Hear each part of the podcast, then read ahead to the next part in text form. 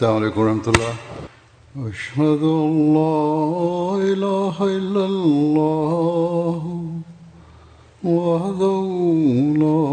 شريك له. وأشهد أن محمدا عبده ورسوله. أما بعد فأعوذ بالله من الشيطان الرجيم. بسم الله الرحمن الرحيم. الحمد لله رب العالمين. الرحمن الرحيم. مالك يوم الدين. إياك نعبد وإياك نستعين. اهدنا الصراط المستقيم. صراط الذين أنعمت عليهم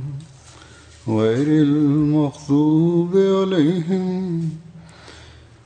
ولا الضالين. فبما رحمة من الله لنت لهم ولو كنت فظا غليظ القلب لانفضوا من حولك فاعف عنهم واستغفر لهم وشاورهم في الأمر. وإذا عزمت فتوكل على الله. إن الله يحب المتوكلين. 2023ခုနှစ်မေလ12ရက်နေ့မှာ Hazrat Amirul Muminin Khalifatul Masih Al-Khamis Ayadahullah Ta'ala bin Nasr Aziz ပြစ်မခလီဖာသခင်ကြီးကပြည်ထိုင်နိုင်ငံအစ္စလာမာဘတ်တယ်ဖိုရှိမူဘာရက်ဘလီဝေကျောင်းမှာဂျမာခွတ်ဘာမချခဲ့ပါတယ်အဲ့ဒီခွတ်ဘာမှာခလီဖာသခင်ကြီးကမဂျလစ်ဆေရှူရာအကြံပြုဆွေးနွေးတိုင်ပင်ရေးညီလာခံနဲ့ဆက်နွယ်ပြီးမချတင်ပြခဲ့ပါတယ် खुद बाए सा मा खलीफा दखिन जी का जमिया कुरान सुरा तो आयत मसे टिया छाव से को युफत रजे के बारे अरी आयत मुखबा डोडू ये पादा प्यंगा अलाई अठू गयू नारो जाउंदा अतेंदी तुरोट नून्या तवागे बेदी अकेवे अतेंदी खठन चंटन दुने စိတ်နှလုံးမာကြောသူသာဖြစ်ခဲ့လျင်သူတို့သည်အသိအပါမအဝေးသို့မုတ်ချပြေးကြပေလိမ့်မည်သူဖြစ်ရာသူတို့ကိုအပြစ်မမြင်ပါလင် သူတို့အတွက်ခွင့်လွှတ်ခြင်းရရှိစေရန်ဆုတောင်းပါလိမ့်အရေးပါသောကိစ္စရပ်တိုင်းတွင်သူတို့နှင့်တိုင်ပင်နှီးနှောပါလိမ့်ထို့နောက်အသင်သည်တစုံတရာဆုံးဖြတ်ချက်ချပြီးသောအခါ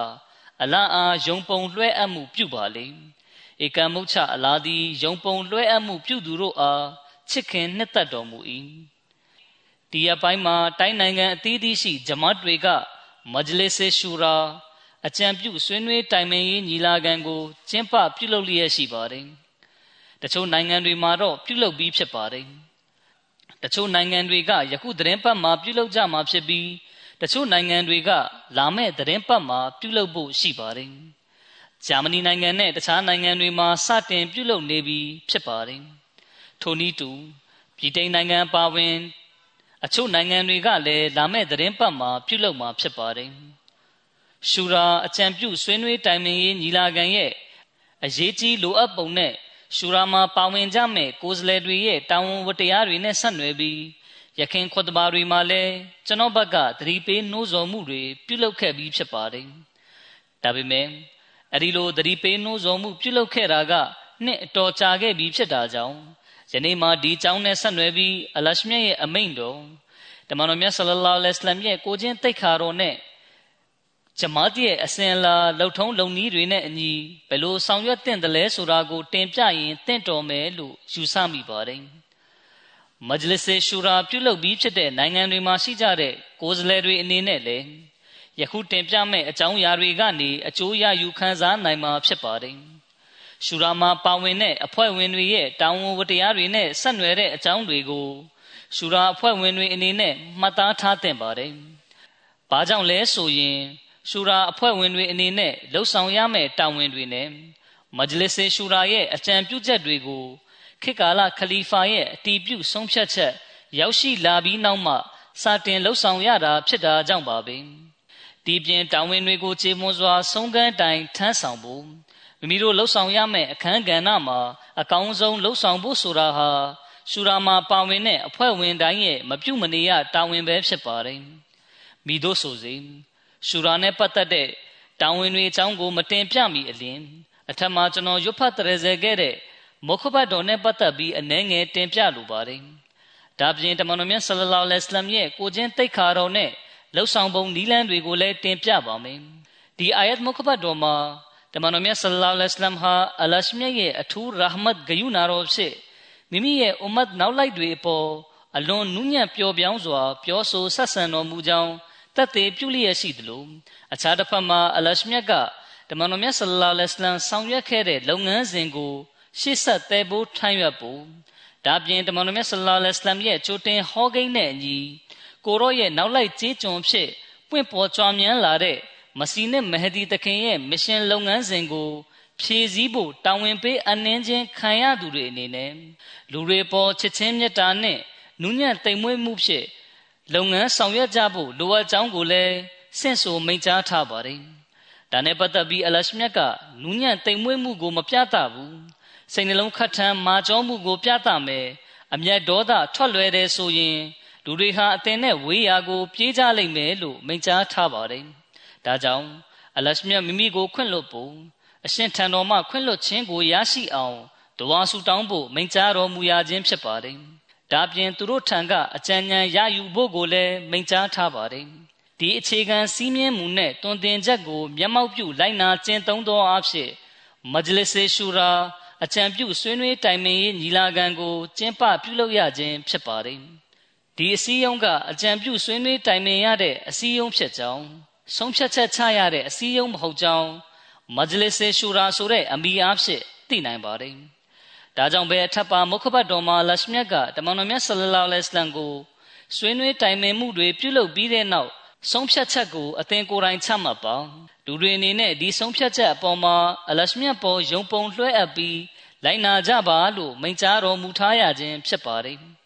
အလရှမြတ်ပေါ်မှာယုံပုံလွှဲအပ်မယ်ဆိုရင် အရှင်မြတ်ကလည်းအလွန်မင်္ဂလာရှိပြီးကောင်းမွန်တဲ့အကျိုးရလဒ်ကိုထုတ်ဆောင်ပေးတော်မူမှာဖြစ်ကြောင်းမိန့်ကြားထားခြင်းဖြစ်ပါတယ်။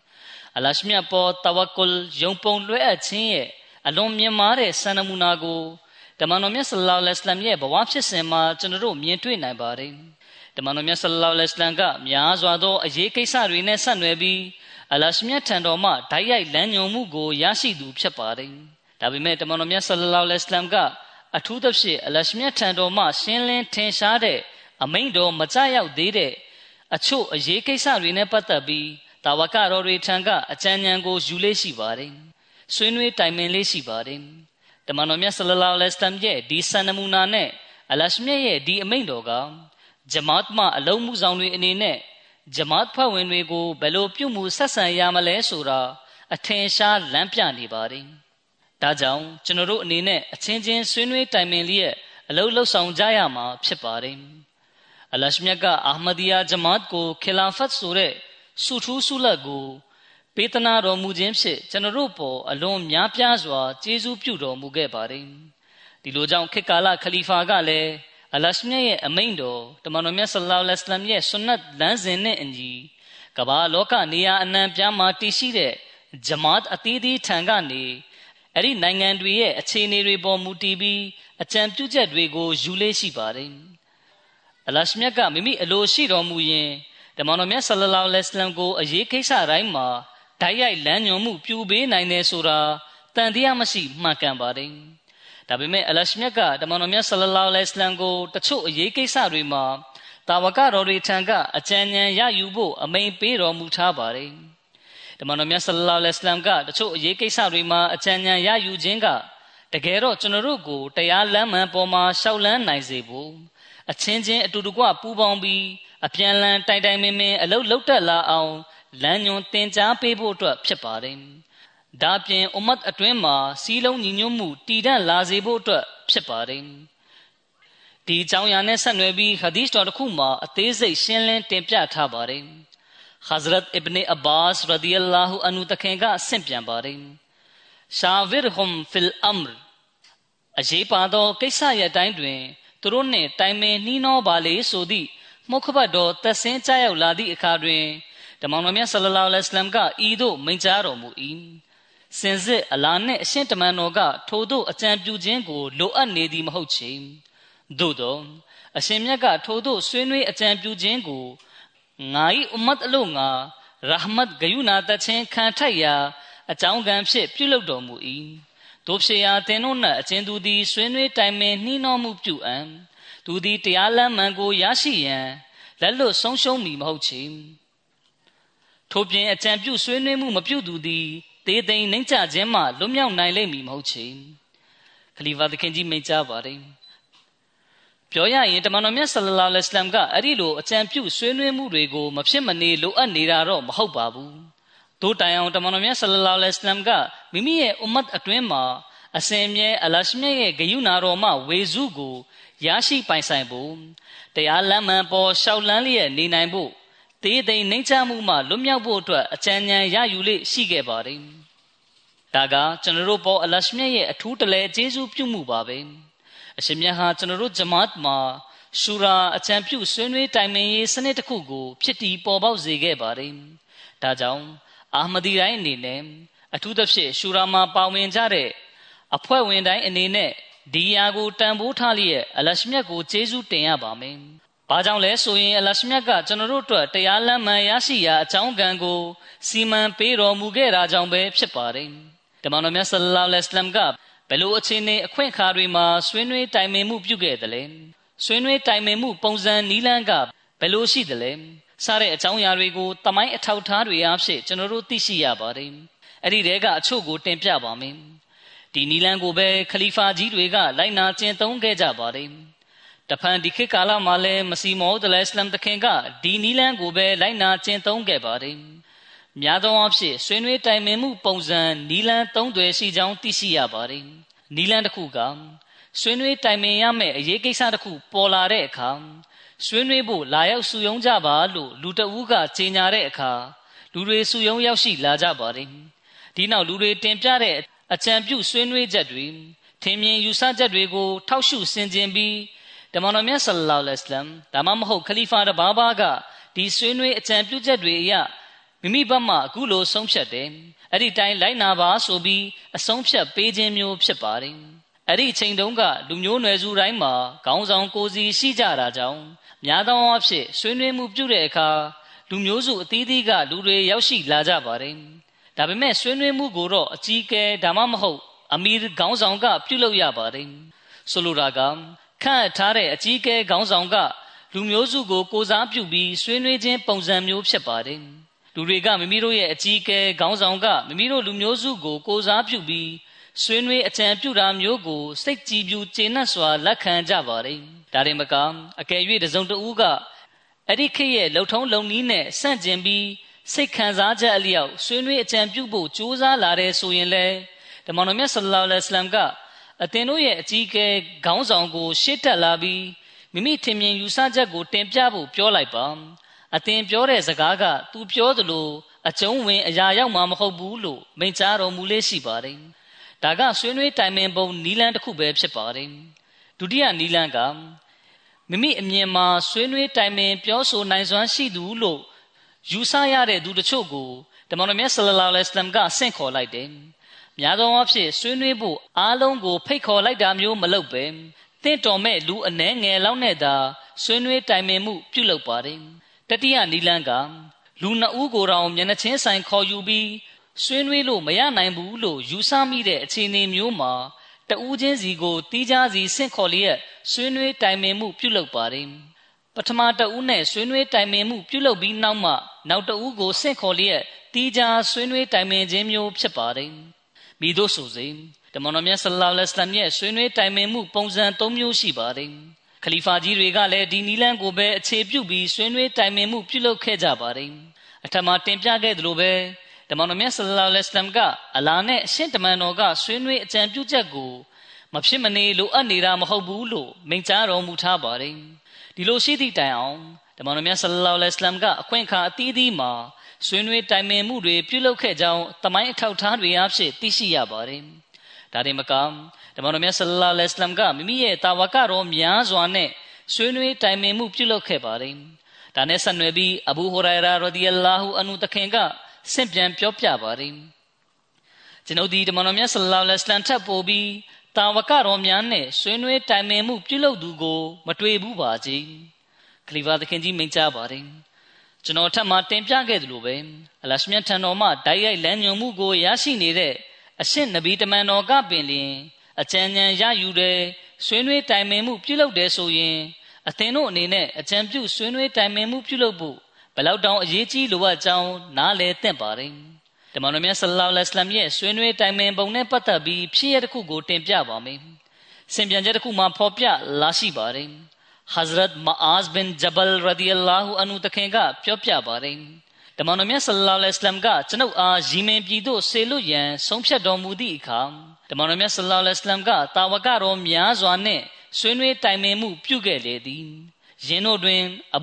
ردی اللہ تخیم امر ردی اللہ تخیم တလဟာရဒီအလာဟူအနုတခင်ဇူဘိုင်ရဒီအလာဟူအနုတခင်စသည့်များစွာသောတာဝကတော်များပါဝင်သည်အဘူဘကာတခင်ကတမန်တော်မြတ်ဆလ္လာလဟ်အလัยဟ်ကကျွန်ုပ်တို့ထံကအကြံဉာဏ်တောင်းခံမှုမပြုဘဲကျွန်ုပ်တို့သည်မိသည့်စကားကိုမျှဝင်ရောက်ပြောဆိုမိမဟုတ်ပါဟုလျှောက်ထားလေသည်ထိုအခါတမန်တော်မြတ်ဆလ္လာလဟ်အလัยဟ်ကအရေးကိစ္စတစ်ခုနှင့်ပတ်သက်ပြီးကျွန်ုပ်အားအလရှမြတ်က ဝဟီဗျာဒိတ်ပေးခြင်းမရှိသောအခြေအနေမျိုးတွင်ကျွန်ုပ်ဒီလည်းအသင်တို့ကဲ့သို့ပင်ဖြစ်ပါ၏ဟုမိန့်ကြားတော်မူ၏မအာစ်တခင်ကပြောပြပါတယ်တမန်တော်မြတ်ဆလ္လာလဟ်အလัยဟ်၏ထိုမိန့်ကြားချက်နှင့်အညီလူတို့သည်လိုက်နာကြလေသည်တမန်တော်မြတ်ဆလ္လာလဟ်အလัยဟ်ကအကြံပြုဖို့ပြောသည့်အခါလူတိုင်းကမိမိတို့၏ထင်မြင်ချက်အယူဆများကိုတင်ပြကြသည်ထို့နောက်တွင်တမန်တော်မြတ်ဆလ္လာလဟ်အလัยဟ်ကကျွန်ုပ်အားမအာစ်အသင့်ထင်မြင်ချက်ကဘယ်လိုရှိသလဲပြောပါအောင်လို့ မိန့်ကြားတော်မူပါတယ်ထိုအခါကျွန်ုပ်ကကျွန်ုပ်၏ထင်မြင်ချက်မှာအဘူဘကာတခင်၏ထင်မြင်ချက်အတိုင်းပင်ဖြစ်ပါသည်ဟုပြန်ဖြေခဲ့သည်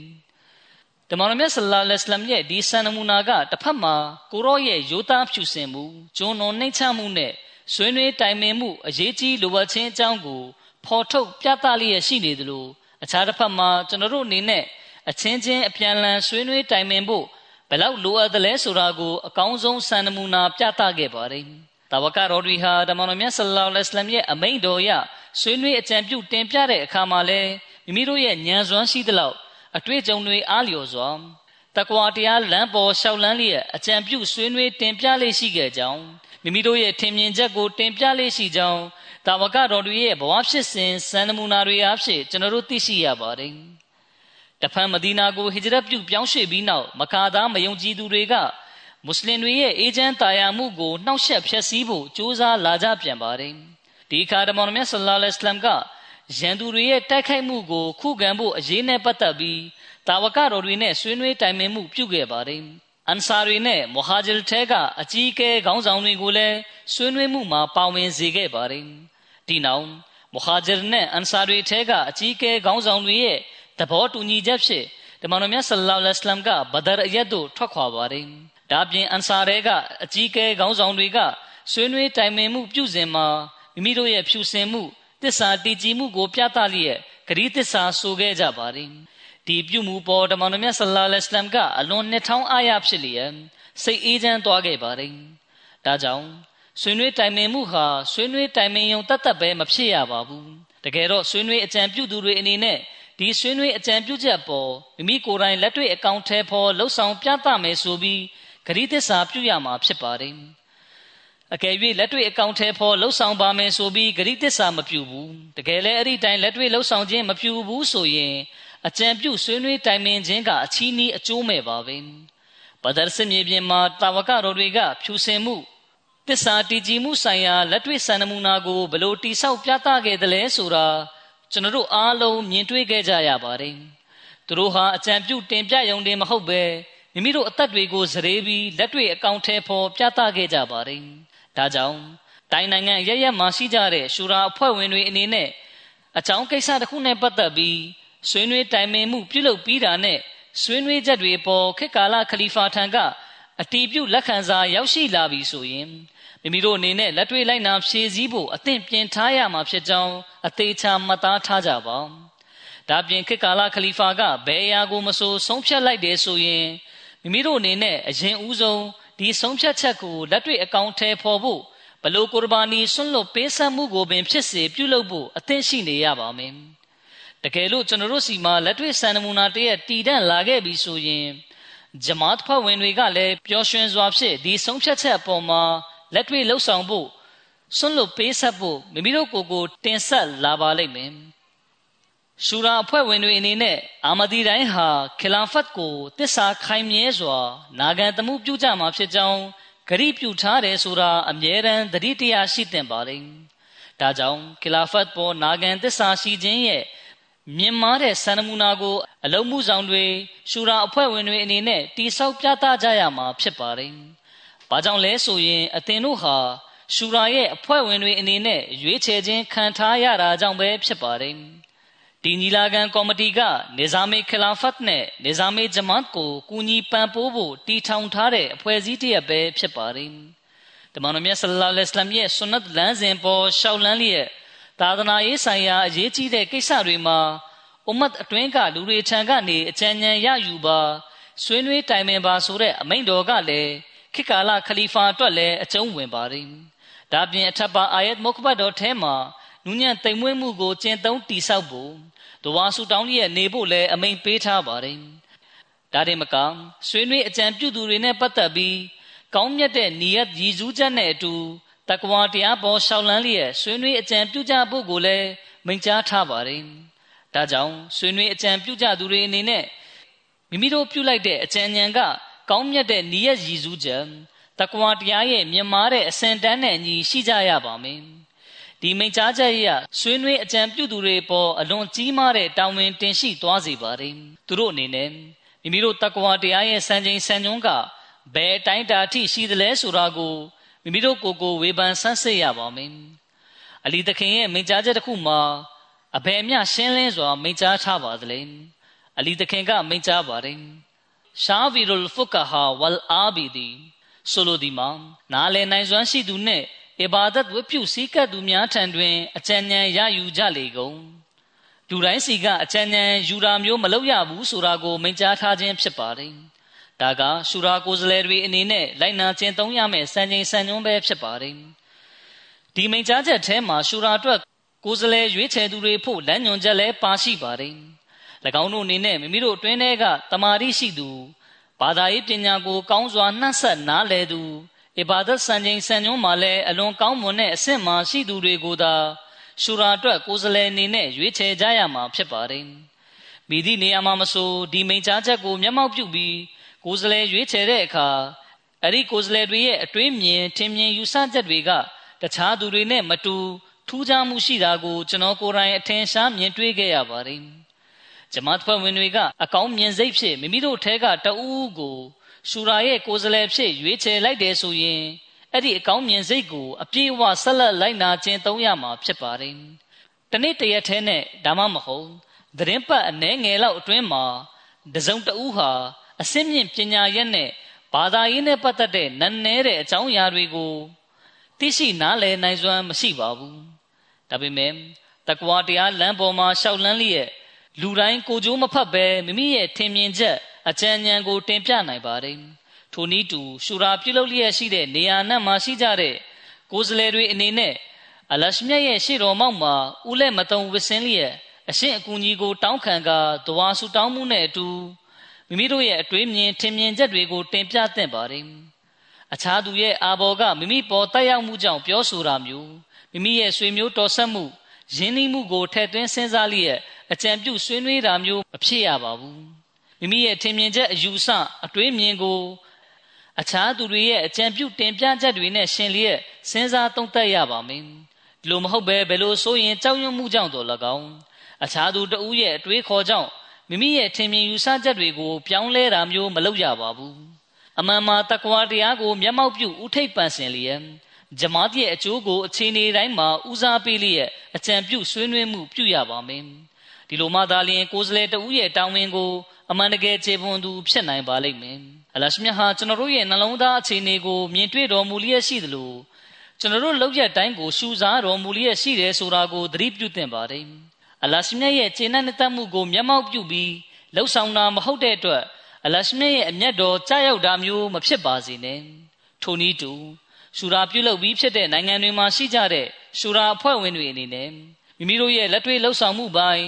နံတရားပိုင်းနဲ့ကိုကျင်တရားပိုင်းကိုအမြဲတမ်းမျက်မှောက်ပြုလျက်မိမိတို့ရဲ့တာဝန်တွေကိုခြေပွန်အောင်ထမ်းဆောင်မဲ့အကြောင်းဂရိသစ္စာပြုကြရပါမယ်။ဆုံးဖြတ်ချက်ရောက်ရှိလာပြီဆိုရင်တကွာတရားလမ်းပေါ်မှာရှောက်လန်းလျက်ကိုယ်တိုင်လိုက်နာခြင်းသုံးပြီးအခြားသူတွေကိုလည်းလိုက်နာခြင်းသုံးလာအောင်ကြိုးစားကြရမှာဖြစ်ပါတယ်။ ကျွန်တော်တို့ဟာဒီအခြေအနေဖြစ်လာအောင်ကြိုးစားတော့မှသာအလရှမေရဟမတ်ဂယုနာတော်ကိုဆွဲငင်သူတွေဖြစ်နိုင်ကြမှာဖြစ်တယ်လို့ကျွန်တော်တို့ရဲ့ဆုံးဖြတ်ချက်တွေမှာလည်းဘာရကတ်မင်္ဂလာရှိမှာဖြစ်ပါတယ်ဒီလိုမဟုတ်ပဲကျွန်တော်တို့ရဲ့စုယုံခြင်းမိမိတို့ထင်မြင်ချက်အတွေးမြင်တွေကိုဆွဲဆောင်ပြောဆိုခြင်းစတာတွေဟာတကွာတရားကင်းမဲ့နေတဲ့လော်ကီစည်းဝေးပွဲတွေလိုဖြစ်သွားပါလိမ့်မယ်ဒီလိုဆိုရင်ဆုံးဖြတ်ချက်တွေကလည်းတချို့ခါတွေမှာ ကိုကျင်တရားပျက်စီးစေတဲ့ဆုံးဖြတ်ချက်မျိုးဖြစ်သွားတတ်ပါတယ်ဒါပြင်အလရှမင်းရဲ့အမိန့်ပြညတ်တော်တွေနဲ့ဆန့်ကျင်ပြီးမိမိတို့ပါတီကောင်းစားရေးကိုသာရှေးရှုတဲ့လော်ကီဆုံးဖြတ်ချက်မျိုးဖြစ်သွားပါလိမ့်မယ်အချို့ခါတွေမှာဒီလိုမှားယွင်းတဲ့ဆုံးဖြတ်ချက်တွေရဲ့ရလဒ်တွေကအလင်းမြန်ထွက်လာလေးရှိပြီးဒါကတည်ငြိမ်အေးချမ်းမှုကိုဖျက်ဆီးပစ်လိုက်ပါတယ်အချို့ခါတွေမှာဆိုရင်ဆုံးဖြတ်ချက်အမှားတွေကြောင့်အချိန်ကာလတစ်ခုကြာတဲ့အခါမှာရလဒ်တွေထွက်လာတတ်ပါတယ်မိတို့ဆိုစီ အလရှမြတ်တိဆောက်ထားတဲ့ဥပဒေနဲ့အရှင်းရဲ့အမိန့်တော်တွေနဲ့ဆန့်ကျင်တဲ့ဆုံးဖြတ်ချက်တွေကနောက်ဆုံးမှာလူမှုကိုဖျက်ဆီးပစ်တဲ့အကြောင်းကံတွေဖြစ်လာပါတော့တယ်ဒီလိုကြောင့်ကျွန်တော်တို့အနေနဲ့လောကီသားတွေမှာဖြစ်ပျက်နေတဲ့အခြေအနေကိုကြည့်ပြီးမိမိတို့အခြေအနေကိုပုံမတိုးတက်ကောင်းမွန်လာအောင်ပြုလုပ်ရေးဘက်သို့အာရုံစိုက်ရပါမယ်။အထက်မှာကျွန်တော်တင်ပြခဲ့သလိုပဲရှုရာအကြံပြုဆွေးနွေးတိုင်ပင်ရေးညီလာခံကိုယ်စားလှယ်တွေကမိမိတို့ရဲ့အကြံပြုချက်တွေကို ခေခါရဲ့ခလီဖာထံတင်ပြကြရပါတယ်။ဒါပြင်ခေခါရဲ့ခလီဖာကနှိုးဆော်တဲ့အတွက်ကြောင့်ပဲရှူရာကိုကျင်းပခြင်းဖြစ်ပါတယ်။ဒီတော့မဂျလစ်ရှူရာကခလာဖတ်ကိုကူညီအားပေးကြသူတွေဖြစ်တယ်ဆိုတာကိုအမြဲတမ်းမှတ်သားထားရပါမယ်။ဒီအတွက်ကြောင့်ပဲဂျမတ်မှာခလာဖတ်ပြီးနောက်ရှူရာကအလွန်အရေးပါရခြင်းဖြစ်ပါတယ်။ရှူရာအဖွဲ့ဝင်ဖြစ်ရွေးချယ်ခံရတဲ့ကိုယ်စားလှယ်အားလုံးကတနစ်တာကာလအတွက်ရွေးချယ်ခံရတာဖြစ်ပါတယ်။၎ င်းတို့အနေနဲ့ရှူရာရဲ့အရေးပါမှုကိုအမြဲတမ်းမျက်မှောက်ပြုရပါမယ်။ရှူရာရဲ့လုပ်ငန်းစဉ်မူချမ်းနဲ့အကြံပြုချက်တွေကြောင့်ပဲခေခါရဲ့ခလီဖာကနိုင်ငံတကာဂျမတ်တွေမှာပေါ်ပေါက်နေတဲ့အခက်အခဲပြဿနာပု္ပ္ပစာတွေအကြောင်းကိုသိရှိရတာဖြစ်ပါတယ်။ဒါပြင်အဲ့ဒီအခက်အခဲတွေနဲ့ပြဿနာတွေကိုဖြေရှင်းဖို့လှုပ်ထုံးလုံနည်းတွေလည်းပေါ်ထွက်လာရပါတယ်။ အချို့ခါတွေမှာအချို့ကိစ္စတွေကပြဿနာတစ်ခုခုကိုဖြေရှင်းဖို့အတွက်အပြည့်အဝတင်ပြတာမျိုးမရှိပါဘူး။ဒါမှမဟုတ်အခက်အခဲပု္ပ္ပစာတွေကမဂျလစ်ဆေရှူရာထံသို့ရောက်ရှိမလာပါဘူး။ဒီအတွက်ခလီဖာဆက်ဆက်ကအဲ့ဒါကိုလည်းလှုပ်ထုံးလုံနည်းပြုလုပ်ဆောင်ရွက်ရမယ့်ဤဗျူဟာတွေထဲမှာထည့်သွင်းရပါတယ်။အချို့နေရာတွေမှာကျွန်တော်ကိုယ်တိုင်လည်းအဲ့ဒီနီလန်းကိုပဲကျင့်သုံးပါတယ်။မိတို့ဆိုစီမဂျလစ်ရှူရာအဖွဲ့ဝင်တိုင်းအနေနဲ့ ရှူရာကဘလောက်အရေးကြီးကြောင်းအသေးချာမှတ်သားထားရပါမယ်။ဒါကရှူရာကျင်းပတဲ့၃ရက်တာအတွက်ပဲမဟုတ်ရပါဘူး။တစ်နှစ်ပတ်လုံးအတွက်ကျင့်သုံးရမယ့်နီလန်းတွေဖြစ်ပါတယ်။လုံထုံလုံနည်းတွေကိုတိဆောက်လိုက်တိုင်းမှာအဲ့ဒီနီလန်းတွေအတိုင်းလောက်ကင်ဆောင်ရွက်ဖို့တာဝန်ရှိသူတွေအားလုံးအပြည့်အဝပူးပေါင်းဆောင်ရွက်ကြဖို့ရှူရာအဖွဲ့ဝင်တိုင်းမှာတာဝန်ရှိပါတယ်။ဒီအတွက်ရှူရာအဖွဲ့ဝင်တယောက်ချင်းစီကအပြည့်အဝစူးစမ်းအားထုတ်ရပါမယ်။ ဒီလိုအခြေအနေဖြစ်လာပြီဆိုရင်ဂျမတ်တိုးတက်ဖို့အတွက်စဉ်းစားစီစဉ်ဆောင်ရွက်မှုတွေကလည်းမှန်ကန်တဲ့လမ်းကြောင်းပေါ်ကိုရောက်ရှိလာမှာဖြစ်ပါတယ်။ဒါပြင်ဒီပေါ်မှာအကောင်းဆုံးပုံစံနဲ့လက်တွေ့အကောင့်ထဲပေါ်လောက်ကင်ဆောင်ရွက်နိုင်မှာဖြစ်ပါတယ်။မစီမောဒလအစ္စလမ်တခင်ကိုအနှင်းထားတဲ့လမ်းမှန်ညွန်ပြမှုဆိုင်ရာမရှင်လုပ်ငန်းစဉ်မှာလည်းကျွန်တော်တို့ကကူညီသူတွေဖြစ်နိုင်ပါလိမ့်မယ်ဒီလိုမှမဟုတ်ရင်ရှူရာအဖွဲ့ဝင်ဖြစ်ခြင်းကဘာအကျိုးမှမရှိပါဘူး ဒီနေရာမှာတခုပြောလိုတာကကမ္ဘာနိုင်ငံအသီးသီးမှာရှိကြတဲ့ဂျမတ်တွေမှာရှူရာကျင်းပတဲ့အခါအဲ့ဒီကအမီရကဦးစီးဦးဆောင်ပြုမှုနဲ့ရှူရာကိုကျင်းပခြင်းဖြစ်ပါတယ်အဲ့ဒီမှာရှိတဲ့အမီရရဲ့ဦးဆောင်မှုနဲ့ရှူရာကိုပြုလုပ်ခြင်းဖြစ်ပါတယ်။ရှူရာအဖွဲ့ဝင်ကိုရွေးချယ်တင်မြှောက်သူကလည်းစိတ်အားတက်ကြွပြီးရှူရာရဲ့ဂုံတိတ်ခါနဲ့ဆန့်ကျင်တဲ့စကားမျိုးတွေကိုပြောပြလိုက်ပါတယ်။ ဒဒီတော့ရှူရာအဖွဲ့ဝင်တွေကမိမိတို့ရဲ့အကြံဉာဏ်တွေကိုမတင်ပြမီမှာစိတ်အားတက်ကြွတဲ့စကားတွေကိုမပြောဘဲအတိတရိကိုလက်လွတ်ပြီးအယံကာရောပြောဆိုတတ်တာမျိုးတွေမလုပ်ပဲတင့်တင့်လျောက်ပတ်တဲ့စကားလုံးတွေနဲ့မိမိရဲ့အကြံဉာဏ်ကိုတင်ပြပြောဆိုရပါမယ်အချို့ခါတွေမှာအကြံပြုတင်ပြတဲ့လူကဗဟိုအလုံးမှုဆောင်အဖွဲ့ဝင်တွေနဲ့ရှူရာကိုဥဆောင်ကျင်းပနေတဲ့ဂျမားရဲ့အမီရရှိမှာအကြံပြုတင်ပြသူဟာဓာတ်ရိုက်ဖြစ်စေတွေ့ဝိုက်ပြီးတော့ဖြစ်စေ မိမိတို့နဲ့ဆက်ကျင်ပြီးပြောဆိုနေပါလားမိမိတို့ကိုစောင်းချိတ်ပြောနေပါလားဆိုပြီးခံစားရစေတဲ့စကားမျိုးတွေကိုပြောပြလိုက်ပါတယ်ဒီခါရှူရာညီလာခံရဲ့တဘာပရိဖြစ်တဲ့သူကအကြံပြုပြောဆိုတင်ပြသူကိုအလွန်ပြင်းထန်တဲ့စကားလုံးတွေနဲ့အော်ဟောက်တားဆီးတာမျိုးတွေလုပ်တတ်ပါတယ်ဒီတော့အမီတွေအနေနဲ့ကလည်းသဘောထားကြည့်ရပါမယ်ဒါမျိုးခတ်ထန်ကြမ်းတမ်းစွာတုံ့ပြန်ပြောဆိုတာမျိုးမလုပ်ရပါဘူးအကောင်းမြင်စိတ်ထားရပါမယ် အကြံပြုတင်ပြပြောဆိုသူကဂျမားရဲ့အကျိုးကိုမျှော်ကိုပြီးတောကထားလျက်ပြောဆိုတင်ပြနေခြင်းဖြစ်တယ်ဆိုတာမျိုးမှတ်ယူရပါမယ်အကယ်၍တစုံတစ်ယောက်ကခတ်ထန်ကြမ်းတမ်းတဲ့စကားလုံးတွေကိုအသုံးပြုမယ်ဆိုရင်ဒါမှမဟုတ်ရှူရာရဲ့ဂုံတိတ်ခါနဲ့ဆန့်ကျင်တဲ့စကားလုံးတွေကိုပြောမယ်ဆိုရင်အဲ့ဒီလိုပြောတဲ့လူကိုနူးညံ့တိမ်မွေ့စွာရင်ကျေးပြူငါစွာနဲ့တားဆီးတာမျိုးပဲလုပ်ရပါမယ်ဒီလိုမဟုတ်ပဲခတ်ထန်စွာတုံ့ပြန်ပြောဆိုမယ်ဆိုရင် စီဝေးပွဲရဲ့တဘာပတိအမီးဥက္ကဋ္ဌကမိမိရဲ့ပုဂ္ဂိုလ်ရေးဂုံတိတ်ခါကို ထိခိုက်လာတဲ့အတွက်ဒါမျိုးခတ်ထန်စွာ ပြောဆိုတာပဲလို့အားလုံးကထင်သွားကြပါလိမ့်မယ်။ဗန္နာရေးကိစ္စဘတ်ဂျက်ကိစ္စတွေမှာဆွေးနွေးကြတဲ့အခါစိတ်ခံစားချက်ကိုဦးစားပေးပြီးဒေါသနဲ့ပြောဆိုတတ်ကြပါတယ်။အချို့ခါတွေမှာအထင်လွဲတာတွေအထိဖြစ်လာတတ်ပါတယ်။အဲဒီလိုအခြေအနေမျိုးမှာသက်ဆိုင်ရာတာဝန်ခံအနေနဲ့ဗန္နာရေးမှုဖြစ်စေဥက္ခရပဲဖြစ်စေ ဒေါသနဲ့ပြောလာတဲ့လူရဲ့စကားကိုသီးခံမှုလက်ကင်ပြုပြီးပြန်လဲအဖြေပေးရပါမယ်ဘယ်လိုဘတ်ဂျက်ရေးဆွဲရမယ်တနစ်ကြံသာဝင်ငွေကဘယ်လောက်ရှိတယ်ဘယ်လိုတွေသုံးဆွဲနေတယ်အဲ့ဒါကိုဘယ်လိုညှိနှိုင်းပြီးရှိထားတဲ့ငွေပမာဏနဲ့ညီဘယ်ပုံဘယ်နည်းသုံးဆွဲမယ်စသဖြင့်တိုင်ပင်နှီးနှောပြီးဒေါသနဲ့တင်ပြပြောဆိုလာသူကိုစိတ်ကျေနပ်အောင်ရှင်းပြပေးရပါမယ်အကြံပြုတင်ပြသူကဂျမားရဲ့အကျိုးကိုမျှော်ကိုပြီး ဂျမားရဲ့အကျိုးကိုမျှော်ကိုပြီးတင်ပြပြောဆိုခြင်းဖြစ်ပါတယ်ဒါကြောင့်အဲ့ဒီလူကိုအထင်လွဲတာမျိုးမဖြစ်ရပါဘူးဒီတိုင်းပဲအခြားသက်ဆိုင်ရာတာဝန်တွေမှာလည်းလုပ်ငန်းစဉ်မူကြမ်းရေးဆွဲတဲ့အခါမှာအကြောင်းမရှိဘဲပြန်လည်ညှင်းခုန်တွေဖြစ်လာလေးရှိပါတယ်အဲ့ဒီမှာတာဝန်ရှိပုဂ္ဂိုလ်ရောရှူရာကိုယ်စားလှယ်တွေကရောစိတ်လွတ်ပြီးဒေါသနဲ့ညှင်းခုန်တာတွေဖြစ်လာတတ်ပါတယ်ဒါမှမဟုတ်ဘာမှတင်ပြတာမျိုးမလုပ်တော့ဘဲ တာဝန်ရှိပုဂ္ဂိုလ်တွေကိုကြောက်ပြီးနှုတ်ဆက်နေလိုက်တတ်ပါတယ်အဲ့ဒီလူတွေကလည်းမိတို့ကိုပေးထားတဲ့အမာနတ်တာဝန်တွေကိုဖြည့်ဆည်းခြင်းမရှိဘူးလို့ဆိုရပါမယ်ဒါကြောင့်ရှူရာကိုယ်စားလှယ်အဖွဲ့ဝင်တွေကိုလူတွေကရွေးချယ်တင်မြှောက်ရခြင်းရည်ရွယ်ချက်က၎င်းတို့အနေနဲ့မိမိတို့ကို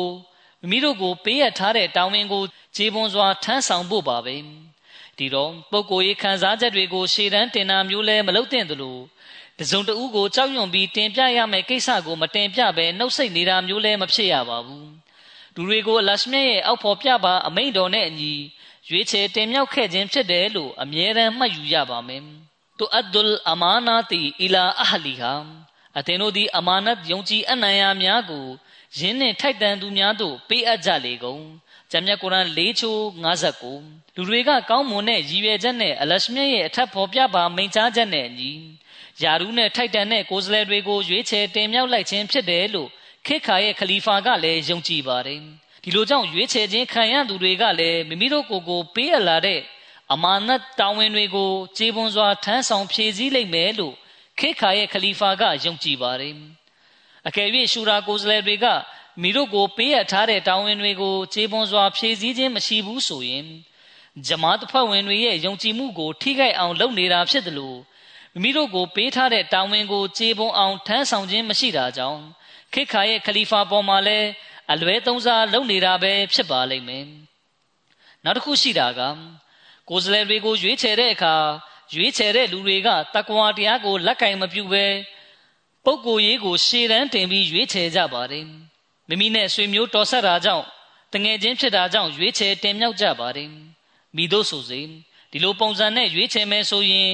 ရွေးချယ်သူတွေကမိမိတို့ရဲ့ရွေးချယ်မှုမှာအဖြစ်ကျူးလွန်ကြသူတွေပဲဖြစ်ပါတယ်ဂျမားအဖွဲ့ဝင်တွေအနေနဲ့ရွေးချယ်မှုမှာမှန်ကန်စွာပြုလုပ်ခဲ့ခြင်းမဟုတ်ရင်သူတို့လည်း istighfar ဖတ်ရပါမယ်ဒီထဲမှာဘ ਹੁ အလုံးမှုဆောင်တွေနဲ့ကိုယ်စလဲတွေလည်းအပါဝင်ဖြစ်ကြောင်းကျွန်တော်ပြောလိုပါတယ်သူတို့အနေနဲ့ယာရုတစ်ခုခုမှာရွေးချယ်တင်မြှောက်ခြင်းခံလိုက်ရပေမယ့်သူတို့ရဲ့လက်တွေ့ကျင့်သုံးတိဆောက်မှုနဲ့ နံဝင်ခြင်းပိုင်းအစဉ်တန်းကရှိတဲ့ရှိထိုက်တဲ့အစဉ်တန်းမှာမရှိဘူးဆိုရင်၎င်းတို့အနေနဲ့ istighfar ရွတ်ဖတ်လျက်မိမိတို့ရဲ့အခြေအနေတွေကိုကောင်းစွာပြုပြင်တက်မှတ်ပြီးတကွာတရားပေါ်မှာအပြည့်အဝကျင့်သုံးတိဆောက်ရပါမယ်မိမိတို့ကိုပေးထားတဲ့တာဝန်ယာရုနဲ့ထိုက်တန်သူတွေဖြစ်အောင်ကြိုးစားရပါမယ်ဒီတိုင်းပဲကြိုးစားကြမယ်ဆိုရင်တစ်ဖက်မှာအလရှမြတ်ရဲ့ကျင့်တဲ့သက်တော်မူခြင်းကို ရရှိမှာဖြစ်တယ်လို့အခြားတစ်ဖက်မှာမစီမောဒလအစ္စလမ်တခင်ရဲ့လုပ်ငန်းစဉ်ကိုကူညီပံ့ပိုးသူတွေဖြစ်လာပါလိမ့်မယ်ဒါပြင်မိမိတို့ရဲ့လက်တွေ့ကျင့်သုံးတိဆောက်မှုအခြေအနေနဲ့နံဝင်ခြင်းပိုင်းအခြေအနေကိုပုံမတိုးတက်ကောင်းမွန်လာအောင်ပြုလုပ်တာမျိုးဖြစ်ပါလိမ့်မယ်အထက်မှာကျွန်တော်ပြောခဲ့သလိုရှူရာကိုယ်စလဲယာရူးကတနစ်အတွက်ပဲဖြစ်ပါတယ်အဲ့ဒီတနစ်အတွင်းမှာအလုံးမှုဆောင်တွေနဲ့တောင်းဝင်ရှိသူတွေကလည်းရှူရာအဖွဲ့ဝင်တွေနဲ့ပူးပေါင်းဆောင်ရွက်ရပါမယ်ရှူရာအကြံပြုချက်တွေအပေါ်မှာ ခလီဖာကချတဲ့ဆုံးဖြတ်ချက်တွေပေါ်မှာကိုယ်တိုင်လည်းလိုက်နာခြင်းသုံးရမှာဖြစ်တယ်လို့အခြားသူတွေကိုလည်းလိုက်နာအောင်နှိုးဆော်ပေးရပါမယ်ဒီအချိန်တွေပေါ်ပေါက်လာဖို့အတွက်ခမားတို့ရဲ့သက်ဆိုင်ရာဂျမတ်တွေမှာဒီတိုင်းအမှန်တကယ်လိုက်နာကျင့်သုံးနေသလားကျင့်သုံးခြင်းမရှိဘူးလားဆိုတာကိုအမြဲတမ်းကြည့်ရှုစောင့်ကြပ်နေရပါမယ်အကယ်၍ဒီတိုင်းကျင့်သုံးနေတယ်ဆိုရင်လည်းဘယ်တိုင်းတာထိကျင့်သုံးနေသလဲဆိုတာကိုကြည့်ရပါမယ်ခေတ်ကာလခလီဖာထံကဆုံးဖြတ်တာနဲ့အညီ ကျင့်သုံးနေသလားဆိုတာကိုကြည့်ရပါမယ်ဒီလိုပုံစံနဲ့ခမားတို့ကခေခါရဲ့ခလီဖာကိုကူညီသူတွေဖြစ်ကြရပါမယ်အချို့ခါတွေမှာဂျမတ်အချို့ကခေကာလာခလီဖာရဲ့ဆုံးဖြတ်ချက်တွေပေါ်လိုက်နာဆောင်ရွက်မှုမရှိရခြင်းကဘ ਹੁ အလုံးမှုဆောင်တွေရဲ့ပြင်းပေါ်ဆမှုကြောင့်ဆိုတာတွေ့ရပါတယ်အဲဒီလိုခြေနေမျိုးမှာရှူရာကိုယ်စားလှယ်တွေကဂျမတ်ဖွဲ့ဝင်တွေကိုသာနှိုးဆော်ရမှာမဟုတ်ပဲအလုံးမှုဆောင်တွေကိုလည်းသူတို့ထမ်းဆောင်ရမယ့်တာဝန်တွေဘက်သို့အာယုံဆိုင်လာအောင် နှိုးဆော်ရပါမယ်နှိုးဆော်ပါလျက်နဲ့အလုံးမှုဆောင်တွေကမိမိတို့တာဝန်တွေကိုကောင်းစွာဆောင်ရွက်ခြင်းမရှိဘူးဆိုရင်ရှူရာရဲ့အကြံပြုချက်တွေအတိုင်းခေတ်ကာလခလီဖာရဲ့ဆုံးဖြတ်ချက်ပေါ်မူတည်ပြီးလိုက်နာကျင့်သုံးတာမျိုးမလုပ်ဘူးဆိုရင်ဗဟိုဌာနချုပ်ကိုစာရေးရပါမယ်ဗဟိုလုံးမှုဆောင်တော်များများကရှူရာအဖွဲ့ဝင်တွေဖြစ်ကြပါတယ်သူတို့အနေနဲ့မိမိတို့တာဝန်ယူထားတဲ့ဌာနတစ်ခုတည်းကိုသာကြီးကြပ်ဆောင်ရွက်နေတာမျိုးမဖြစ်ရပါဘူးတကယ်ကရှူရာရဲ့အကြံပြုချက်တွေနဲ့ အဲ့ဒီအကြံပြုချက်တွေပေါ်မှာခေတ်ကာလခလီဖာကဆုံးဖြတ်ချက်ချပေးတာကိုလက်တွေ့အကောင့်ထဲပေါ်ဆောင်ရွက်ခြင်းမရှိဘူးဆိုရင်ဒါကိုအသေးချာကြက်မှတ်ဆောင်ရွက်ပြီးအကောင့်ထဲပေါ်ရပါမယ်အဲ့ဒီမှာဌာနတစ်ခုခုကပဲဖြစ်စေအခြားကဏ္ဍကပဲဖြစ်စေခလီဖာရဲ့ဆုံးဖြတ်ချက်နဲ့အညီအကောင့်ထဲပေါ်ရပါမယ်ဒီလိုကြောင့်အလုံးမှုဆောင်ပဲဖြစ်စေအမီပဲဖြစ်စေသူတို့ယူထားတဲ့တာဝန်တွေကိုခလီဖာရဲ့ဆုံးဖြတ်ချက်နဲ့အညီ သူတို့တွေကောင်းထဲဖော်လာအောင်နှိုးဆော်ပေးရပါမယ်မဂျလစ်အာမလာမှာလည်းဒါကိုတင်ပြရပါမယ်ကဲ၍ခလီဖာရဲ့ဆုံးဖြတ်ချက်နဲ့အညီဆောင်ရွက်ခြင်းမရှိဘူးဆိုရင်တော့သူတို့ဟာမိမိတို့ကိုပေးထားတဲ့တာဝန်တွေကိုကျေပွန်တယ်လို့မခေါ်ဆိုနိုင်ပါဘူးဒီလောကမှာတော့အကြောင်းပြချက်တွေပေးပြီးလွတ်မြောက်နိုင်ပါတယ်ဒါပေမဲ့အလရှမြတ်ထံတော်မှာတော့ဘယ်ကိစ္စကိုမှဖုံးကွယ်ထားလို့မရနိုင်ပါဘူးအရှင်မြတ်ကအမာနတ်တာဝန်တွေကို ဖြည့်ဆည်းထမ်းဆောင်ခဲ့သလားဆိုတာကိုမေးမြန်းပါလိမ့်မယ်ဒါဟာအလွန်တောကဖြစ်ရမယ့်ကိစ္စပါပဲမိမိတို့ဟာရှူရာရဲ့ကိုယ်စားလှယ်တွေဖြစ်ကြတယ်ဆိုတာလောက်နဲ့အလုံးမှုဆောင်ဖြစ်တယ်ဆိုယုံလောက်နဲ့ဂုံယူနေလို့မရပါဘူးတကယ်ကမိမိတို့ယူထားတဲ့တာဝန်တွေနဲ့ပတ်သက်ပြီးတာဝန်ရှိသူအားလုံးတောကထားရမယ့်ကိစ္စဖြစ်ပါတယ်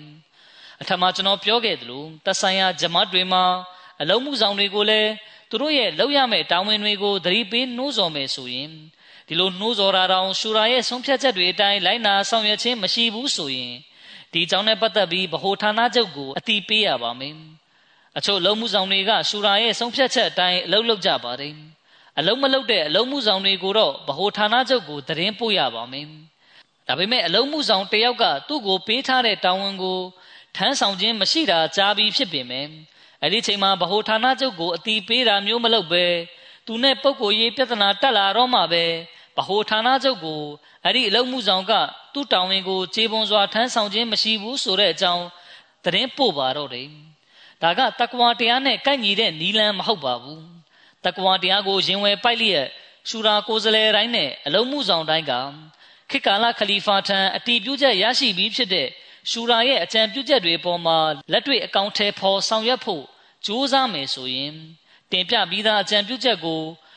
နောက်၃လေးလကြာမှတဖန်ထပ်ပြီးအတီးပြုချက်ရယူဖို့တင်ပြရတဲ့အခြေအနေမျိုးဘယ်တော့မှဖြစ်မှာမဟုတ်ပါဘူးနောက်တစ်ကြိမ်ထပ်ပြီးအကြံပြုချက်တွေကိုပြန်လည်တင်ပြခြင်းရဲ့သဘောကအဲ့ဒီအကြံပြုချက်တွေပေါ်မှာပြေဝလိုက်နာခြင်းသုံးခြင်းမရှိတာကြောင့်ဖြစ်ရင်ဖြစ်ဒါမှမဟုတ်ပြုသင်ပြုထိုက်တာနဲ့အညီပြုလုပ်ဆောင်ရွက်ခြင်းမရှိတာကြောင့်ဖြစ်ပါတယ်ဒီတော့အဲ့ဒီလိုဂျမတ်တွေမှာရှိတဲ့အလုံးမှုဆောင်တွေအနေနဲ့ဒါဟာတက္ကဝတရားကျင့်သုံးခြင်း မိမိတို့ရဲ့အမာနတ်တာဝန်တွေကိုဖြည့်ဆည်းတဲ့လှုပ်ဆောင်ချက်ဖြစ်သလားဆိုတာစဉ်းစားရပါမယ်။ဒါပြင်ဒါဟာခီလာဖတ်ကိုနာခံခြင်းနဲ့ခီလာဖတ်ကိုစောင့်ရှောက်ခြင်းဆိုင်ရာဂရိသစ္စာကိုဖြည့်ဆည်းတဲ့လှုပ်ဆောင်ချက်ဖြစ်ပါသလား။တိုင်းပြည်တစ်ခုရှိမြို့အသီးသီးမှာပြန့်နှံ့လျက်ရှိတဲ့ဂျမတ်အသီးသီးအနေနဲ့မိမိတိုင်းပြည်ရှိဂျမတ်ဌာနချုပ်ကိုရှူရာရဲ့ဆုံးဖြတ်ချက်လုပ်ငန်းစဉ်တွေအတိုင်းအကောင့်ထဲမဖော်တဲ့အချိန်မှာမိမိတို့လှုပ်ဆောင်ချက်အကြံပြုချက်တွေကိုပို့ဆောင်တာမျိုးမလုပ်ကြပါဘူး အကယ်၍သာရှူရာရဲ့အကြံပြုဆုံးဖြတ်ချက်နဲ့အညီလိုင်နာဆောင်ရွက်နေတယ်ဆိုရင်အလွန်အသီးသီးမှာဘလောက်အတိုင်းတာထိလုပ်ငန်းစဉ်တွေဆောင်ရွက်နေတယ်လဲဆိုတာကိုကြည့်ရှုရပါမယ်အကြံပြုချက်တွေနောက်တစ်ကြိမ်ထပ်ပြီးဌာနချုပ်ကိုရောက်လာပြီးတော့အဲ့ဒါတွေကိုခေတ်ကာလခလီဖာထံသို့ဒီအကြံပြုချက်တွေကလွန်ခဲ့တဲ့တစ်နှစ်နှစ်နှစ်လောက်ကတင်ပြပြီးသားတွေဖြစ်တယ်ဒါပေမဲ့အဲ့ဒီကြံပြုချက်တွေအတိုင်းလုပ်ငန်းစဉ်တွေကိုအကောင့်ထဲမဖော်ရသေးတဲ့အတွက် အခုတဖန်ထပ်မံပြီးတောင်းပန်စာနဲ့အတူဒီအကြံပြုချက်တွေကိုပြန်တင်ပြပါတယ်အဲ့ဒါတွေကိုအခုအကောင့်ထဲဖော်သွားပါမယ်ဆိုပြီးစာရေးပေးပို့ကြပါတယ်ဒီလိုတောင်းပန်စာကိုပို့တဲ့အခါနိုင်ငံတစ်ခုရဲ့ဂျမတ်ဌာနချုပ်ကမိမိတို့အနေနဲ့မြို့ကန်ဂျမတ်တွေကိုလုပ်ငန်းစဉ်တွေမလုပ်ခိုင်းနိုင်တဲ့အတွက်ရှက်ရွံ့မိပါတယ်နောက်ခါစူးစမ်းပါမယ်စသဖြင့်ရှက်ရွံ့နောင်တရမှုကိုဖော်ထုတ်လျက်ဗဟိုဌာနချုပ်သို့စာရေးပေးပို့သင့်ပါတယ် အကယ်၍မြို့နယ်ဂျမတ်တွေမှာလုပ်ငန်းစဉ်တွေအကောင့်ထဲပေါ်လာအောင်မလုပ်ပေးဘူးဆိုရင်ကျွန်တော်တို့ဟာအပြစ်ကျူးလွန်သူတွေဖြစ်သွားပါလိမ့်မယ်ဒါပြင်မိမိတို့ရဲ့အမာနတ်တောင်းဝင်တွေကိုခြေပုံအောင်မထမ်းဆောင်နိုင်တဲ့လူတွေထဲမှာအပါဝင်ဖြစ်သွားပါလိမ့်မယ်တာဝန်မှာပြက်ကွက်ခဲ့တဲ့လူတွေကိုအလွန်နှိမ့်ချကျွန်းလွန်လျက်ဒီနေ့မှာတော့လုပ်ငန်းစဉ်တွေအကောင့်ထဲမဖော်နိုင်တဲ့အတွက်အလွန်တောင်းပန်ပါတယ်ဆိုပြီးစာရေးခိုင်းရပါမယ်ဒီလိုလုပ်မယ်ဆိုရင်သူတို့မှာ တာဝန်သိစိတ်ဖြစ်လာပါလိမ့်မယ်ဒီလိုလှုပ်ချင်းအဖြစ်အ ਨੇ ဆုံးတော့အလုံးမှုဆောင်တွေနဲ့ရှူရာကိုယ်စလဲတွေကအလွန်ကြီးကျယ်တဲ့လှုပ်ထုံးလုံနည်းတွေကိုပြုလုပ်ပြီးခေတ်ကာလခလီဖာထံမိမိတို့ဟာဘယ်လိုတွေလှုပ်ဆောင်ကြပါမယ်ဆိုပြီးစာရေးပေးပို့ကြပါတယ်ဒါပေမဲ့တကယ်တမ်းလက်တွေ့အကောင့်ထဲဖော်တာမျိုးကိုတော့မလုပ်ကြပါဘူးဒါဆိုရင်တော့သူတို့ဟာအပြစ်ကျူးလွန်ကြသူတွေပါပဲခေတ်ကာလခလီဖာရဲ့ယုံကြည်မှုကိုပြတ်ပြားအောင်လုပ်ကြသူတွေပါပဲဒီတော့ ဂျမတ်တစ်ခုလုံးအတိုင်းတာနဲ့မိမိတို့ကိုယ်ကိုဝေဖန်ဆန်းစစ်ကြမယ်ဆိုရင်အခြားတစ်ဖက်မှာအလုံးမှုဆောင်တွေနဲ့ရှူရာကိုယ်စလဲတဦးချင်းတယောက်ချင်းကလည်းမိမိတို့ကိုယ်ကိုစဉ်းစားသုံးသပ်ရပါမယ်ပြီးနောက် istighfar ဖတ်ရပါမယ်အဲ့ဒီနောက်ဘာကြောင့်ဒီကြံပြုချက်တွေအတိုင်းလုပ်ငန်းဆောင်တာတွေကိုလှုပ်ဆောင်ခြင်းမရှိရတာလဲဆိုတာသိရှိရအောင်အလွန်အသေးသေးမှစုံစမ်းရပါမယ်ဒီလိုမိမိတို့ကိုယ်ကိုဝေဖန်ဆန်းစစ်မှုတွေလှုပ်ဆောင်ခြင်းကဂျမားရဲ့နေဆန်စနစ်ကိုမှန်ကန်တဲ့လမ်းကြောင်းပေါ်သို့ ဆွဲတင်နိုင်တာဖြစ်ပါတယ်ဒီလိုမဟုတ်ရင်နှုတ်ပြောတတ်တတ်ကဘာအကျိုးမှမရှိနိုင်ပါဘူးနိုင်ငံသီးသီးကဂျမတ်တွေအနေနဲ့လည်းဆန်းစစ်မှုတွေပြုလုပ်ဖို့လိုအပ်ပါတယ်နိုင်ငံတွင်းမှာရှိတဲ့မြို့နယ်ဂျမတ်တွေကယာနှုံးပြည့်တက်ကြွစွာဖြင့်လုပ်ငန်းတွေကိုလှုပ်ဆောင်နေခြင်းမရှိရင်တောင်90ရာခိုင်နှုန်းနဲ့80ရာခိုင်နှုန်းလောက်ကရှူရာကအကြံပြုတင်ပြချက်တွေကိုလက်တွေ့အကောင့်ထဲပေါ်ကြပါတယ်စိတ်အားထက်သန်စွာဇွဲနှပဲကြီးစွာလှုပ်ဆောင်ကြခြင်းဖြစ်ပါတယ် ခေတ်ကာလခလီဖာကသဘောတူညီမှုကြောင့်မိမိတို့ဟာဒီလှုပ်ထုံးလုံနည်းလမ်းညွန်မှုကိုရရှိတယ်။ဒါကြောင့်မိမိတို့ဟာဒီလမ်းညွန်ချက်အတိုင်းအပြည့်အဝထမ်းဆောင်ကြရမယ်။ခလီဖာသခင်ရဲ့ယုံကြည်မှုကိုပြက်ပြားအောင်မလုပ်ရဘူးစသဖြင့်မိမိတို့အချင်းချင်းကြားမှာဖလှယ်ဆွေးနွေးကြရပါမယ်။ဘယ်လိုစိတ်အားထက်သန်မှုတွေကြောင့်ဒီဂျမတ်တွေမှာတော်လန်ပြောင်းလဲမှုတွေဖြစ်ရတာလဲဆိုတာကိုသိရှိအောင်လုပ်ရပါမယ်။ အားနည်းမှုတွေရှိကြတဲ့မြို့နယ်ဂျမတ်ကအလုံးမှုဆောင်တွေလည်းတိုးတက်လာစေဖို့နိုင်ငံဌာနချုပ်ဂျမတ်ကအလုံးမှုဆောင်တွေနဲ့ပူးပေါင်းပြီးအစည်းအဝေးလုပ်ရပါမယ်။ဌာနချုပ်ကအလုံးမှုဆောင်တွေရဲ့အတွေ့အကြုံတွေကနေအကျိုးရယူခံစားစေရပါမယ်။ဘယ်ဂျမတ်တစ်ခုခုကမဆိုလုပ်ငန်းဆောင်တာတွေလှုပ်ဆောင်တဲ့နေရာမှာလက်တွေ့ကျင့်သုံးတည်ဆောက်မှုပိုင်းနဲ့နံဝင်ချင်းတိုးတက်မှုပိုင်းလှုပ်ဆောင်ချက်တွေမှာအပြည့်အဝနာခံကျင့်သုံးကြတယ်။ ကျန်တဲ့ဂျမားဆယ်ခုကိုမိမိတို့လှုပ်ဆောင်တဲ့နီးလန်းတွေကိုမျှဝေပေးခြင်းအဖြစ်အကျိုးပြုနိုင်ပါတယ်။ဌာနချုပ်မှာရှိတဲ့ဌာနဆိုင်ရာတာဝန်ခံတိုင်းအလုံးမှုဆောင်တိုင်းနဲ့ကိုယ်စားလှယ်တိုင်းကမိမိတို့ရဲ့လုပ်ငန်းဆောင်တာတွေကိုတစ္ဆာရှိစွာလှုပ်ဆောင်ကြမယ်ဆိုမှသာ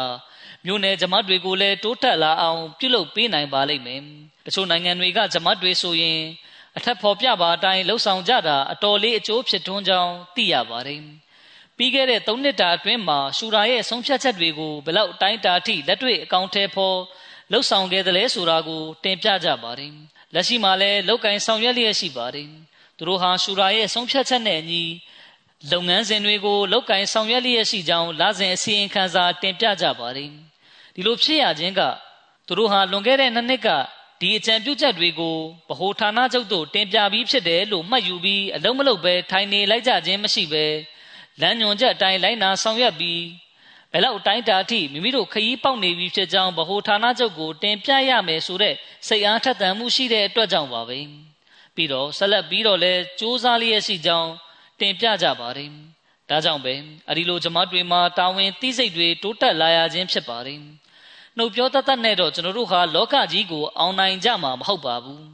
တကယ်အောင်မြင်ဖို့ဆိုရင်တကယ်လက်တွေ့လှုပ်ဆောင်ဖို့လိုပါတယ် တစ်ဖက်မှာထိရောက်မှုရှိတဲ့အကြံဉာဏ်တွေစီစဉ်ဆောင်ရွက်မှုတွေပြုလုပ်ဖို့လည်းလိုအပ်တယ်လို့အခြားတစ်ဖက်မှာစီစဉ်ထားတဲ့အတိုင်းလက်တွေ့အကောင့်ထဲပေါ်ဖို့လည်းလိုအပ်ပါတယ်မိမိတို့ဝတ်ပြုတဲ့အဘာဒတ်တွေမှာအစင်းမြင့်ဖို့လည်းလိုအပ်ပါတယ်အကယ်၍အလုံးမှုဆောင်တွေနဲ့ရှူရာကိုယ်စားလှယ်တွေကအဘာဒတ်တွေကိုပုံမတိုးတက်ကောင်းမွန်လာအောင်လုပ်မယ်ဆိုရင်မစဂျစ်ဝကျောင်းတွေကိုစီကားတိုက်မြိုက်လာစေဖို့မိမိတို့ကိုယ်တိုင်ကစပြီးမစဂျစ်ဝကျောင်းကိုလာမယ်ဆိုရင်မစဂျစ်ဝကျောင်းတွေကအခုထက် 3-4ဆလောက်ပုံမစီကားလာပါလိမ့်မယ်ဒီအတွက်လည်းစဉ်းစားဖို့လိုအပ်ပါတယ်ဒီတော့မိမိတို့ရဲ့လက်တွေ့ကျင့်သုံးတိဆောက်မှုစံနမူနာတွေဂျမတ်ဖွဲ့ဝင်တွေကိုချစ်ခင်စိတ်ထားရှိခြင်းသူတို့အတွက်တောကထားခြင်းကိုချင်းစာခြင်းသူတို့အတွက်ရောမိမိအတွက်ပါဒွါဆူတောင်းခြင်းခေတ်ကာလခလီဖာပေါ်အမိတ်နာခံမှုဆိုင်ရာစံချိန်စံညွှန်းကိုမြင့်တင်ခြင်းစတာတွေကရှူရာဖွဲ့ဝင်အားလုံးမှာတမူထူးခြားစွာရှိနေပြီဆိုရင် အလွန်ကြီးကျယ်ခမ်းနားတဲ့ဒေါ်လန်ပြောင်းလဲမှုကဂျမတ်တစ်ခုလုံးအတိုင်းအတာနဲ့ဖြစ်ပေါ်လာတာကိုမြင်ရပါလိမ့်မယ်ကျွန်တော်တို့ပေါ်မှာအလွန်ကြီးမားတဲ့တောင်းဝန်တရားတွေကိုအနှင်းထားတာဖြစ်ပါတယ်မစီမောဒလအစ္စလမ်တခင်ပွင့်ပေါ်ကြွားမြန်းလာရခြင်းရည်ရွယ်ချက်နဲ့တခင်ကြီးရဲ့လုပ်ငန်းဆောင်တာတွေကတာမန်မြမဟုတ်ပါဘူးကမ္ဘာလောကမှာအစ္စလာမ်ရဲ့လှပတဲ့တွင်တင်ချက်ကိုဖြန့်ချီဖို့ကမ္ဘာလောကကြီးကိုတဆူရီတပါးရီသောအရှင်ကိုခတ်ဖို့ကိုးကွယ်လာတဲ့သူတွေဖြစ်လာအောင်ပြုလုပ်ဖို့ အမြဲမပြတ်ကြိုးစားအားထုတ်ဖို့လိုပါတယ်ကမ္ဘာနဲ့အဝမ်းမှာရှူရာညီလာခံကိုကျင်းပပြုလုပ်ရခြင်းရည်ရွယ်ချက်ကတစ်ဖက်မှာကျွန်တော်တို့အနေနဲ့မိမိတို့ရဲ့လက်တွေ့ကျင့်သုံးတည်ဆောက်မှုအခြေအနေကိုပြုပြင်တက်မှတ်ဖို့စီစဉ်ဆောင်ရွက်မှုတွေလှုပ်ဆောင်ရမှာဖြစ်တယ်လို့အခြားတစ်ဖက်မှာလူတွေထံသို့တဆူရီတပါးဒီသောအရှင်တည်ရှိကြောင်းသတင်းစကားပို့ဆောင်ဖို့ကမ္ဘာလောကတစ်ခုလုံးကိုတစ်ခုတည်းသောအမတ်အုပ်စုဖြစ်အောင်လုပ်ဖို့အတွက် တမန်တော်မြတ်ဆလ္လာလဟ်အလိုင်းရဲ့အလံတော်အောက်သို့လူတွေကိုစုယုံခေါ်ဆောင်လာဖို့အတွက်ကြီးမားတဲ့တော်လန်ပြောင်းလဲမှုကြီးတစ်ခုဖြစ်ပေါ်လာစေမဲ့စီစဉ်ဆောင်ရွက်မှုတွေကိုတိုင်ပင်နှီးနှောပြီးပြုလုပ်သွားရပါမယ်။မှတ်ထားရမယ့်ကိစ္စကအထက်ဖော်ပြပါလုပ်ငန်းတွေအားလုံးကိုလှုပ်ဆောင်နိုင်ဖို့ငွေကြေးလိုအပ်ပါတယ်။ဒါကြောင့်လုံမှုဆောင်တွေအနေနဲ့ဒီလုပ်ငန်းစဉ်တွေအတွက်ဘတ်ဂျက်နည်းနည်းနဲ့အကျိုးများများဖြစ်ထွန်းအောင်ငွေကြေးသုံးစွဲမှုဘတ်ဂျက်ကိုရေးဆွဲရပါမယ်။ ဂျမတ်ထဲကလူအတော်များများဟာဆင်းရဲနွမ်းပါပြီးအလဲလက်တန်းစားလူကများပြားပါတယ်။ဒါကြောင့်ကျွန်တော်တို့ကောက်ခံရရှိတဲ့ကျန်သားငွေတွေကိုငွေကြေးနည်းနည်းသာသုံးစွဲပြီးသာသနာဖြန့်ချီရေးကိစ္စတွေသာသနာပြုခြင်းကိစ္စတွေကိုများများလှုပ်ဆောင်နိုင်အောင်အကောင်းဆုံးပုံစံနဲ့စီစဉ်ဆောင်ရွက်ရပါမယ်။ဒီလုပ်ငန်းစဉ်တွေအားလုံးကိုလှုပ်ဆောင်နိုင်ဖို့ဆိုတာကျွန်တော်တို့အနေနဲ့တကွာတရားကိုရင်ဝယ်ပိုက်ပြီး မိမိတို့တာဝန်ဝတရားတွေနဲ့အမာနတ်ယာဒူးတွေကို ဖြည့်ဆည်းဆောင်ရွက်တော့မှသာဖြစ်နိုင်ပါလိမ့်မယ်။သာသနာအကျိုးတဲပိုးခြင်းကိုအလရှမြတ်ချီးမြှင့်ထားတဲ့ဖဇလ်ကျေးဇူးတော်ဖြစ်မှတ်ယူရပါမယ်။မစီမောဒလအစ္စလမ်တခင်ကတကွာတရားပေါ်မှာရှောက်လန်းကြရမယ်ကြောင်းတနည်းမှာမိန့်ကြားပါတယ်။يا أيها الذين آمنوا اتقوا الله وآمنوا برسوله يؤتكم كفلين من رحمته ويجعل لكم နူရန်တမ်ရှူနာဘီ။အိုတမင်ယုံကြည်သူအပေါင်းတို့အလားအကြောင်းယုံယိုကြိုးခြင်းတကွာတရားကိုကျင့်သုံးတည်ဆောက်ကြလေကုန်။ထို့ပြင်ထိုရှင်မြတ်တမန်တော်အားတမင်ယုံကြည်ကြကုန်။ထိုရှင်မြတ်သည်အသင်တို့အားမိမိဂယုဏတော်မှနှစ်ဆကိုချီးမြှင့်ပေးသနာတော်မူပေလိမ့်မည်။ထို့ပြင်အသင်တို့အားနူရလင်းကိုပေးသနာတော်မူပေမည်။ယင်းအဖြစ်အသင်တို့သည်ရှောက်လန်းကြရပေအံ။ကျမ်းမြတ်ကုရ်အာန်59ချိုး29 အသင်တို့နှင့်အခြားသူတို့အကြောင်းတွင်အရှင်မြတ်ကပိုင်းခြားမှုပြုပေးလိမ့်မည်အသင်တို့အားအလင်းရောင်တစ်ခုကိုပေးသနာပေးလိမ့်မည်ထိုအလင်းရောင်ဖြင့်အသင်တို့သည်လမ်းတိုင်းကိုရှောက်ကြရလိမ့်မည်ထိုအလင်းရောင်ကအသင်တို့၏လှုပ်ဆောင်ချက်တိုင်းစွမ်းရည်တတ္တိအားလုံးနှင့်ပြောစကားတိုင်းအာယုန်တိုင်းကိုလွှမ်းခြုံပေးလိမ့်မည်အသင်တို့၏အသိဉာဏ်တွင်လည်းအလင်းရောင်တည်လိမ့်မည်အသင်တို့ပြောသောစကားများတွင်လည်းအလင်းရောင်ဖြင့်ပြည့်ဝလိမ့်မည်အသင်တို့၏မျက်စိတွင်လည်းအလင်းရောင်ရှိလိမ့်မည် အသင်တို့၏နာနှုတ်ပါဆက်ပြောဆိုတင်ပြမှုများနှင့်လှုပ်ဆောင်ချက်တိုင်းတွင် အလင်းရောင်ရှိလိမ့်မည်အသင်တို့ရှောက်လန်းသမျှလမ်းတိုင်းကအလင်းဖြစ်ပြည်သောလမ်းဖြစ်သွားပေလိမ့်မည်အချုပ်ဆိုရသောအသင်တို့၏အတွင်းပြင်စွမ်းတတ္တိများနှင့်တိစိတ်မတိစိတ်အာယုံအားလုံးတို့သည်နူရအလင်းဖြစ်ပြည့်ဝသွားလိမ့်မည်ဥကောင်းမသည်ခြေဖြားထိတိုင်အလင်းဖြစ်ပြည့်လျက်အသင်တို့ရှောက်ကြရလိမ့်မည်အလရှမြတ်ဒီကျွန်တော်တို့အားလုံးကိုတကွာတရားပေါ်မှာရှောက်လန်းစေပြီး မိမိတို့ရဲ့တာဝန်ဝတရားတွေကိုအကောင်းဆုံးခြေပွန်စွာထမ်းဆောင်နိုင်စွမ်းပေးသနာတော်မူပါစေကျွန်တော်တို့ရဲ့အမားတွေပြင်းပေါ်ဆောင်မှုတွေကိုဖုံးအုပ်ကာကွယ်ပေးတော်မူလျက်မိမိရဲ့ဖဇလ်ကျေးဇူးတော်တွေကိုအမြဲတမ်းပေးသနာလျက်နေတော်မူပါစေအာမင် الحمد لله الحمد لله نحمده ونستعينه ونستغفره ونؤمن به ونتوكل عليه. ونعوذ بالله من شرور أنفسنا ومن سيئات أعمالنا. من يهده الله فلا مضل له ومن يضلله فلا هادي له. ونشهد أن لا إله إلا الله ونشهد أن محمدا عبده ورسوله. عباد الله رحمكم الله إن الله يأمر بالعدل واللسان وإيتاء ذي القربى وينهى عن الفحشاء والمنكر والبغي يعظكم لعلكم تذكرون. اذكروا الله يذكركم وذوه يستجب لكم ولذكر الله أكبر.